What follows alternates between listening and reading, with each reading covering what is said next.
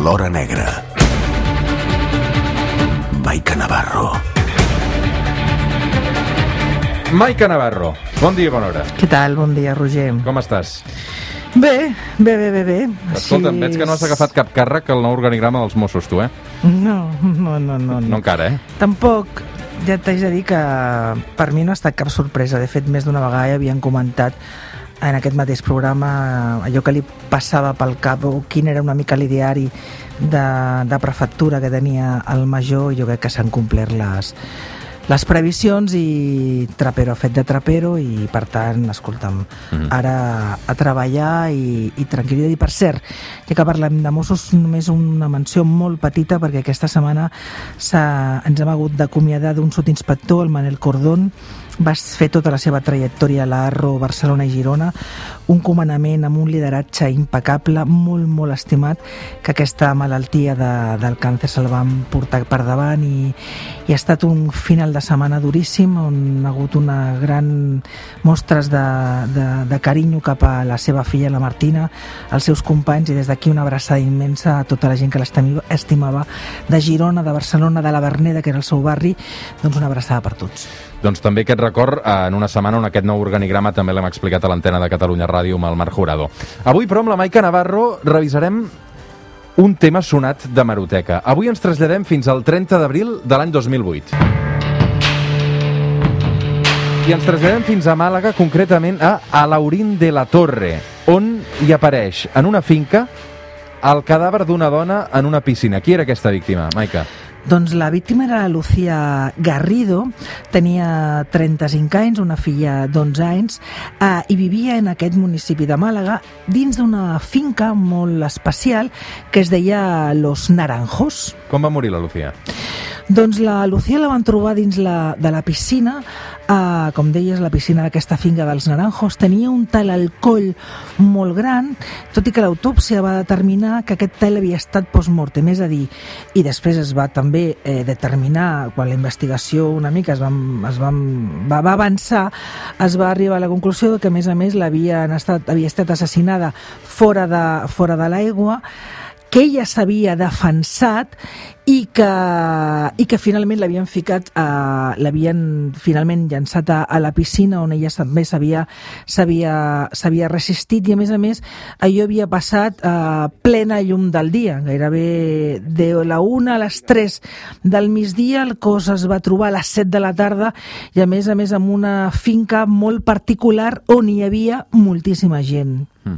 Escolta'm, eh, era una finca una mica estranya pel que fa a les activitats que s'hi feien, perquè crec que servia com a dipòsit dels animals exòtics que confiscava la policia, no? També. Efectivament, aquesta finca deia que era, que, havia, que era molt concorreguda i que havia, i treballava a l'interior molta gent, perquè en aquesta finca de Los Naranjos servia, a més a més, de dipòsit d'animals exòtics que confis, confiscava la Guàrdia Civil.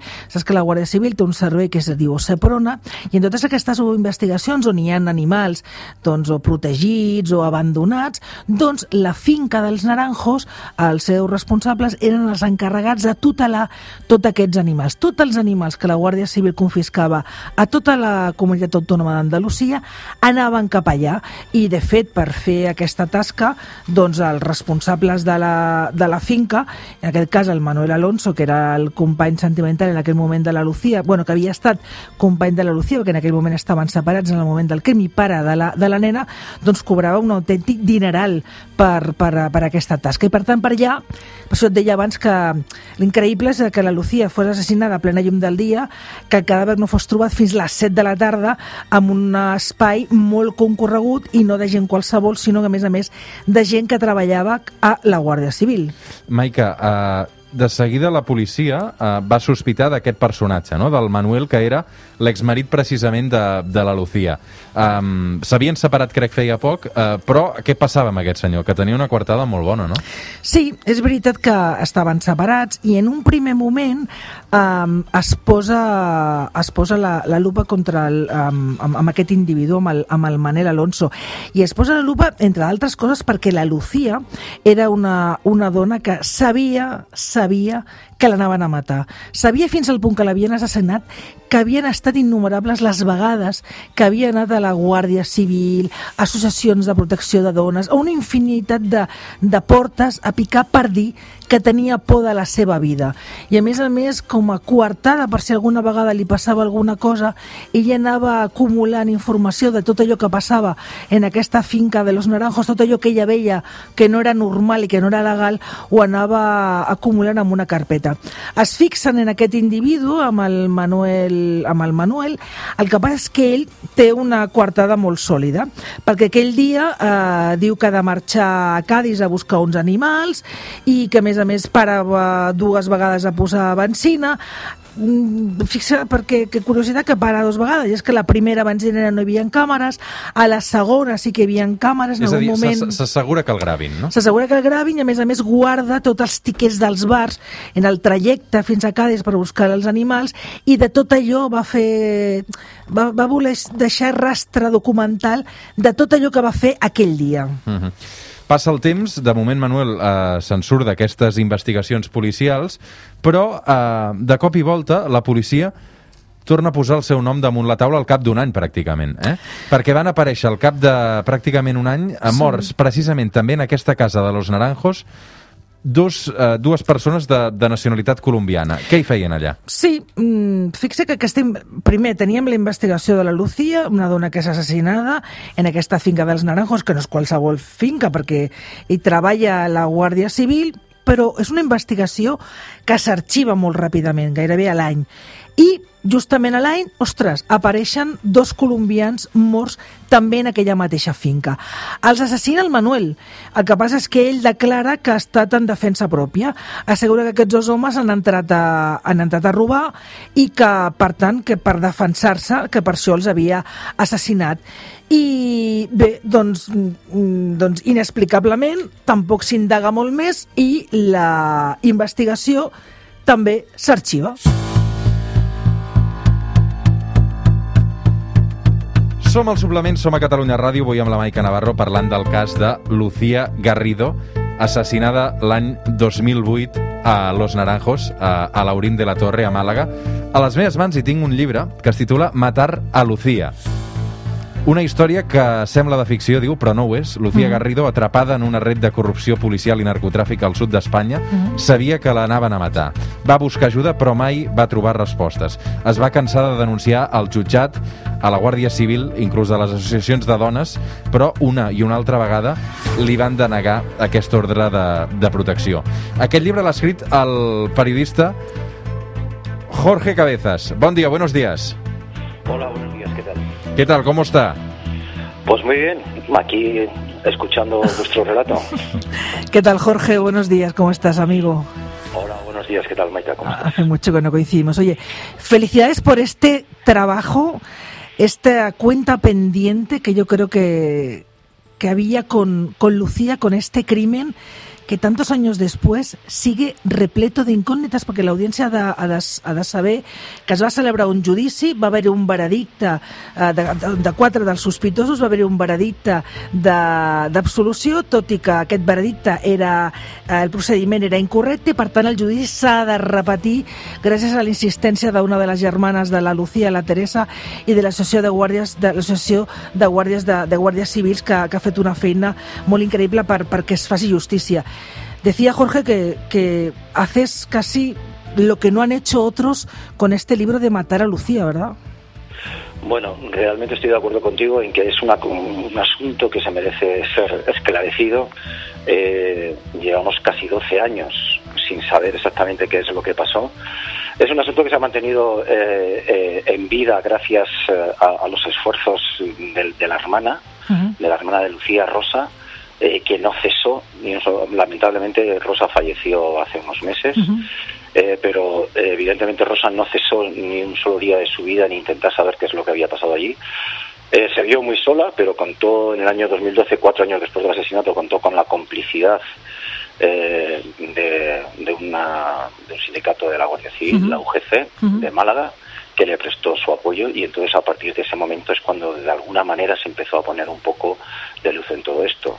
Aún así, en el año 2014, cuando tuvo que entrar ya el Servicio de Asuntos Internos de la Guardia Civil, es cuando realmente la investigación eh, tuvo un impulso. Pero claro, como este caso es tan raro, tan extraño, eh, tiene, tiene unas, eh, unas redes tan, tan, tan complejas, luego nos encontramos con que el, día del juicio se comete un error que, que, no tiene ni pies ni cabeza, y es que la presidenta del tribunal da por bueno un veredicto que no tenía que haberlo dado por bueno, con lo cual ahora se va a tener que repetir el juicio. O sea, es decir, que es un, es un juicio, es un, es un caso que está absolutamente dinamitado por todos lados, es decir, pretendida o impretendidamente, yo no quiero acusar a nadie, pero vamos, siempre parece que en el fondo de toda esta siempre hay una mano una mano negra que lo que, que por ejemplo mm, para que para que la gent no sàpiga que això és aquests dos colombians que assassinen a la finca i al final el que, el que es desvela i el que se sap és que la finca no solamente guardaba animales exóticos, sino que se había convertido en una guardería de droga que utilizaba bandas organizadas del crimen de, de la zona de Málaga para guardar allí cocaína.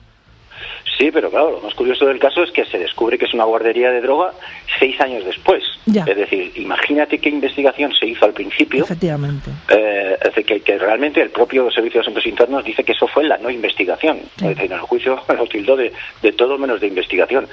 Se tardó seis años eh, en saber que aquello había sido una guardería de droga. Aquí en esto, eh, en, este, en este caso, siempre ha habido un tabú hasta, este, hasta el año 2014 y es que siempre se, se intentó eh, eliminar la, la, ecuación de la droga. Es decir, precisamente porque evidentemente dentro de esa ecuación de la droga había bandas organizadas con agentes de la Guardia Civil corruptos que la manejaban. Efectivamente. En el cas de la Lucía Maica, per què la maten i qui la mata? Perquè si realment el Manuel tenia aquesta coartada tan ben construïda... Bueno, mm, bàsicament eh, en aquests moments es torna, torna clar, el judici no s'ha pogut celebrar de fet, eh, bueno, es va celebrar aquest veredicte que va esculpar els quatre sospitosos. Eh, és erroni, per tant s'ha de celebrar el judici, però s'ha de celebrar el judici amb dos de les quatre peces eh, que no es presentaran, perquè ja han quedat absoltes, o sigui, només hi haurà un judici per dos de, dels acusats. Pensa, Roger, que en, i això t'ho explicarà molt millor el Jorge, aquí han asesinado a testigos protegidos. La propia Guardia Civil ha echado por tierra en mitad de un juicio un informe de Asuntos Internos de la Guàrdia Civil que era fundamental sobre l'ADN que apareixia amb una de les claus que tenia l'assassí per poder entrar a la finca sense, sense provocar bueno, sense, per, passant desapercebut i en canvi durant el judici eh, criminalística de la pròpia Guàrdia Civil diu que aquest primer informe dels seus companys eh, l'invalida. És a dir, és una maranya, Jorge, eh, inverosímil. Inverosímil, es decir, es, es, un, es un caso que excede. Si alguien se hubiese propuesto escribir un, una película eh, y hubiese añadido todos estos elementos, lo, lo, hubiesen considerado como alguien exagerado. Hubiese dicho que es una persona muy excesiva y que esto no, no tiene ni pies ni cabeza y que nadie se lo iba a creer. Bueno, pues en este caso eh, eh, estoy absolutamente convencido que es tan excesivo que muchas veces cuesta trabajo digerirlo. Exacto. Efectivamente, como tú dices, es decir, el ADN, es decir, que fue una de las pruebas fundamentales que aparecieron en el juicio y que involucraba presuntamente a, a, a, una de las personas como, como autor material del asesinato. Y que por eso bueno, estuvo en prisión provisional por ese ADN. Claro, estuvo dos años. Uh -huh. Estuvo dos años en, en, prisión provisional esperando el, el, el, juicio. Bueno, pues esa prueba que había salido del laboratorio de criminalística de la Guardia Civil fue invalidada o desprestigiada por los propios eh, técnicos o por los propios eh, oficiales de la Guardia Civil del laboratorio de criminalística en el juicio. O sea, no tiene ni pies ni cabeza. Es decir, cómo, cómo lo, la, el propio laboratorio de criminalística eh, eh, hace un informe en el que efectivamente dice que ese ADN corresponde a una de las personas eh, inculpadas y luego en el juicio eh, lo ponen en duda. Entonces, claro, es decir, de, todas maneras hay que decir una cosa, es decir, el Servicio de Asuntos Internos es decir, ya ha abierto una investigación también sobre ese, sobre ese asunto. Es que este asunto tiene tan, tan, tan, tantos ramales que, que, que Pero, cuesta Jorge, trabajo y, aceptarlo. Y, y, tantes coses sabia Lucía? O sigui, tan, tan, tan perillosa era Clar, entenc, per, entenc pels això, no, policies corruptes, pels guàrdies civils corruptes, per, pel, pel marit que guanyava tants diners amb aquest negoci paral·lel d'animals, de droga, o sigui, per les màfies d'allà. Tan, tan, tan sabia, tan perillosa era, era aquesta dona? Per matar-la, per matar-la es evidentemente que ella sabía que la, que la iban a matar. En principio todo quedó eh, como, como, como, si fuera un asunto de violencia machista y de intereses económicos por parte de Manuel Alonso. Pero Sí. claro, el trasfondo de todo esto es que esa, esa finca de, de animales exóticos, que también le voy a añadir cierto exotismo a la historia, bueno, pues esa finca era utilizada como guardería. ¿Quién utilizaba esa guardería? Pues evidentemente la utilizaban, es decir, como ya se ha podido demostrar en la investigación, es decir, la, la interesaban redes de, de narcotraficantes y tal, ¿no? que estaban vinculados con guardias civiles corruptos. Entonces, de alguna manera, ¿qué es lo que sabía Lucía? Lucía sabía que allí se estaba guardando droga y que en ese negocio del- del- de la guardería de droga había mm, clanes de la guardia, de guardias civiles corruptos que, que, que la, que la guardaban. Claro, evidentemente eso si, un- si en algún momento determinado esto lo hubiese relatado Lucía, pues podía poner en peligro, decir, todo ese negocio y también evidentemente pues la libertad de, de toda esa gente que se estaba Ja, Jorge, podía fixa't, a unos clanes de la Guàrdia Civil corruptos con un poder que tants anys després sembla que continuï... Eh, continuï... Que no han pagat encara, no? Ostres, no, no, i que continuï eh, exercint aquest poder, aquesta... No? O sigui, amb un tengo- poder... Yo no tengo, yo no tengo una explicación lógica para todo eso. Mira, si, si, si, vamos, si, si vamos a pensar que, por ejemplo, Sitel, que es donde se graban todas las conversaciones telefónicas Sí. eh, que, que se intervienen, todos los teléfonos que se intervienen Sí. en la Guardia Civil, en la, en la central de Sitel, si vamos a pensar que, que ha sido imposible recuperar todas las grabaciones que se hicieron en el teléfono de la finca en abril, a partir de abril, es decir, porque se ha desconfigurado. Yo estoy hablando con, con algunos agentes de la Guardia Civil que me dijeron que en la vida se, se había desconfigurado eh, Sitel. Y sin embargo se, des- que se desconfigura y se pierden precisamente esos periodos de escucha eh, eh, de, la, de la finca. O sea, una cosa inaudita. I no Si hi no, no había transcripción porque otra, esta es otra historia. Es decir, la transcripción que, que podía haber de esos, de esos eh, eh, Audios. de esas llamadas, de esos audios y tal en papel. Es decir, resulta que, que hubo una inundación en un cuartel. Esto es la, la- la explicación que dio la Guardia Civil. Es decir, porque hubo, hubo una inundación en un cuartel donde se almacenaban todos esos esos papeles Es se inundaron y quedaron inutilizados. Si a eso le añadimos que hay que hay infinidad de, de conversaciones que no se habían ni, ni- ni tan siquiera abierto, es decir, que, que no se había trabajado sobre ella, que hay infinidad de conversaciones que se dice que no tienen interés policial cuando ahí lo que se estaba tradu- traduciendo era, por ejemplo, pues tráfico de armas, tráfico de influencias, cohecho, en fin.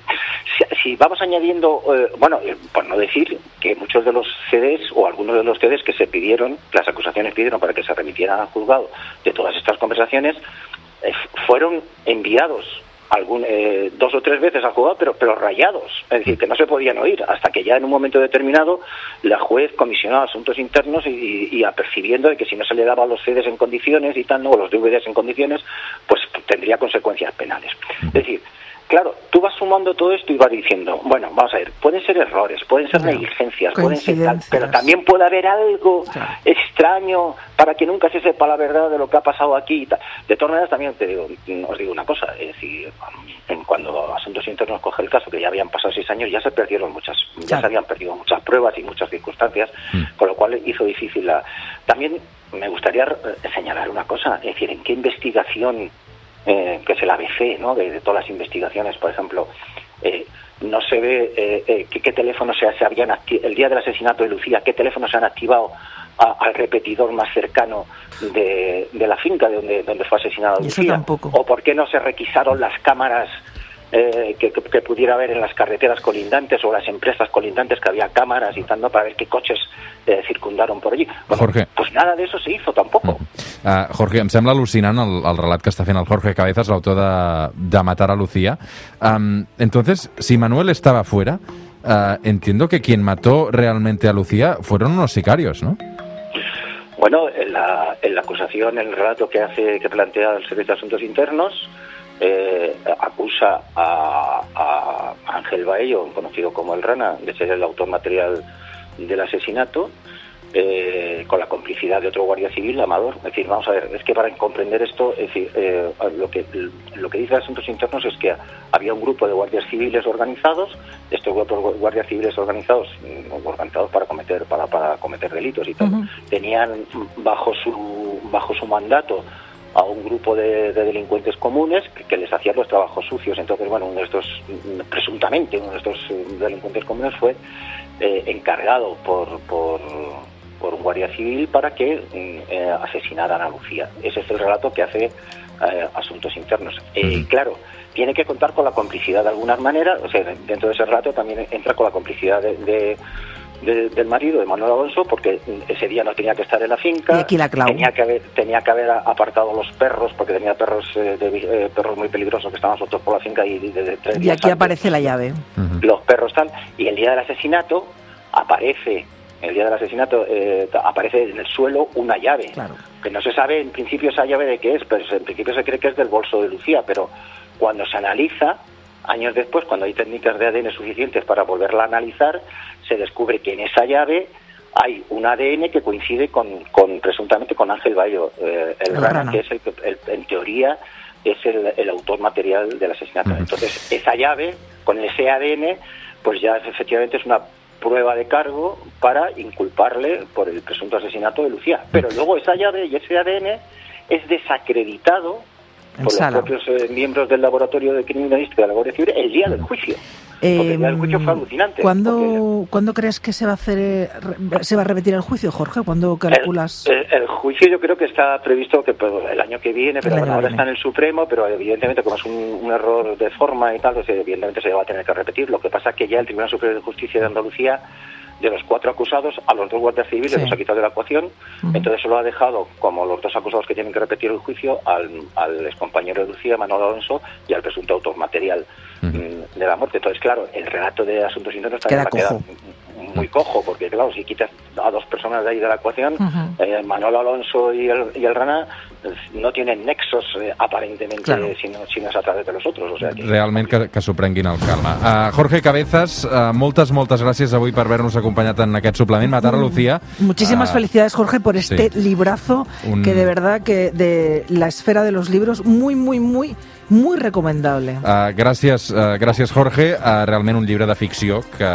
que, sí, sí, que, és, de que és ficció. real. Sí, sí, Uh, ficció. Sí, sí. Lástima que no es ficció, exacte. Uh, gràcies, Jorge. Una abraçada. Gracias a vosotros. Adiós. Un Gracias. abrazo. Chao, chao. Uh, Déu-n'hi-do avui quin relat, uh, però sí, sí, sembla de ficció, però I com ell realment... diu, Des de, ell- del dos, 2008, eh, i encara un judici que s'ha de repetir, eh? I ell sempre diu que la democràcia espanyola li deu, li deu aquesta dona, Lucía Garrido, que sàpiga la veritat, perquè és una, és una maranya de corruptela insostenible.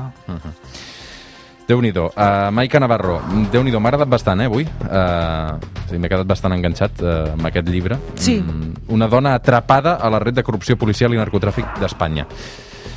Com portes això de la reobertura dels restaurants? Hi has anat? T'estàs mesurant? Com ho estàs fent, tu, Maica? Estic en operació, operació biquini ja de l'any que ve. Estàs estrenant? O, Operació biquini ja Què vol, que què vol dir? Que no vas a restaurants? No, no, no, No no, vaig enlloc, no menjo, estic en dejú. Sí? Faig dejú, faig dejú, dejú fins al, fins al juliol. No, home, però això no, no pot ser saludable, eh, Maica? bueno, O sigui- tinc reserves. Quin, quin, el, quin, quin, quin, àpat és, quin àpat és el que et salves? El, el sopar o...? El sopar. El sopar sopes poc. El sopar, sopar. Ni un iogurt? Mm, M'agrada molt els mango. Ah, Los mangos. amb, amb aquells trossets que hi ha El allà. mango, Ah, sí, el mango m'agrada. Iogurt de mango. No, no, no, no, no. Mangos, mango. de Mango directament. Me gusta el mango. I els bongos també. El mango, tu saps com li diuen a Cuba als tios que estan molt bons? Eres veure. un mangón. Ah, sí? Sí. No t'han dit mai a tu mangón? No, veus, no, Veus? no he tingut aquesta... Estàs molt poc viatjat. No, no, no he tingut aquest piropo. Mira que a Cuba sí que hi vaig anar, eh? Estàs... No et van dir mai mangón? No, no em van dir mai mangón. No. Que jo recordi, vaja. Carai. I a les dones que Carai. són molt atractives, com a... Com? No sé, però jo, me, jo me, no sé... mo- Què et deien a tu? Quin piropo et tiraven? A mi? Sí. Gallega. Gallega. Les gallega. Mira la gallega. Mira la gallega, ja la tenim aquí. Maica Navarro, de fer una pausa perquè després de la publicitat emetrem una conversa des de Terrassa, una conversa fantàstica amb la Gemma Humet, una de les grans artistes que tenim a aquest uh, país, una de les grans veus, uh, una entrevista que de seguida sentirem també al suplement. Maica, moltes gràcies, fins dissabte que ve. Vinga, fins dissabte que ve. Una abraçada. Fem una pausa i ara tornem.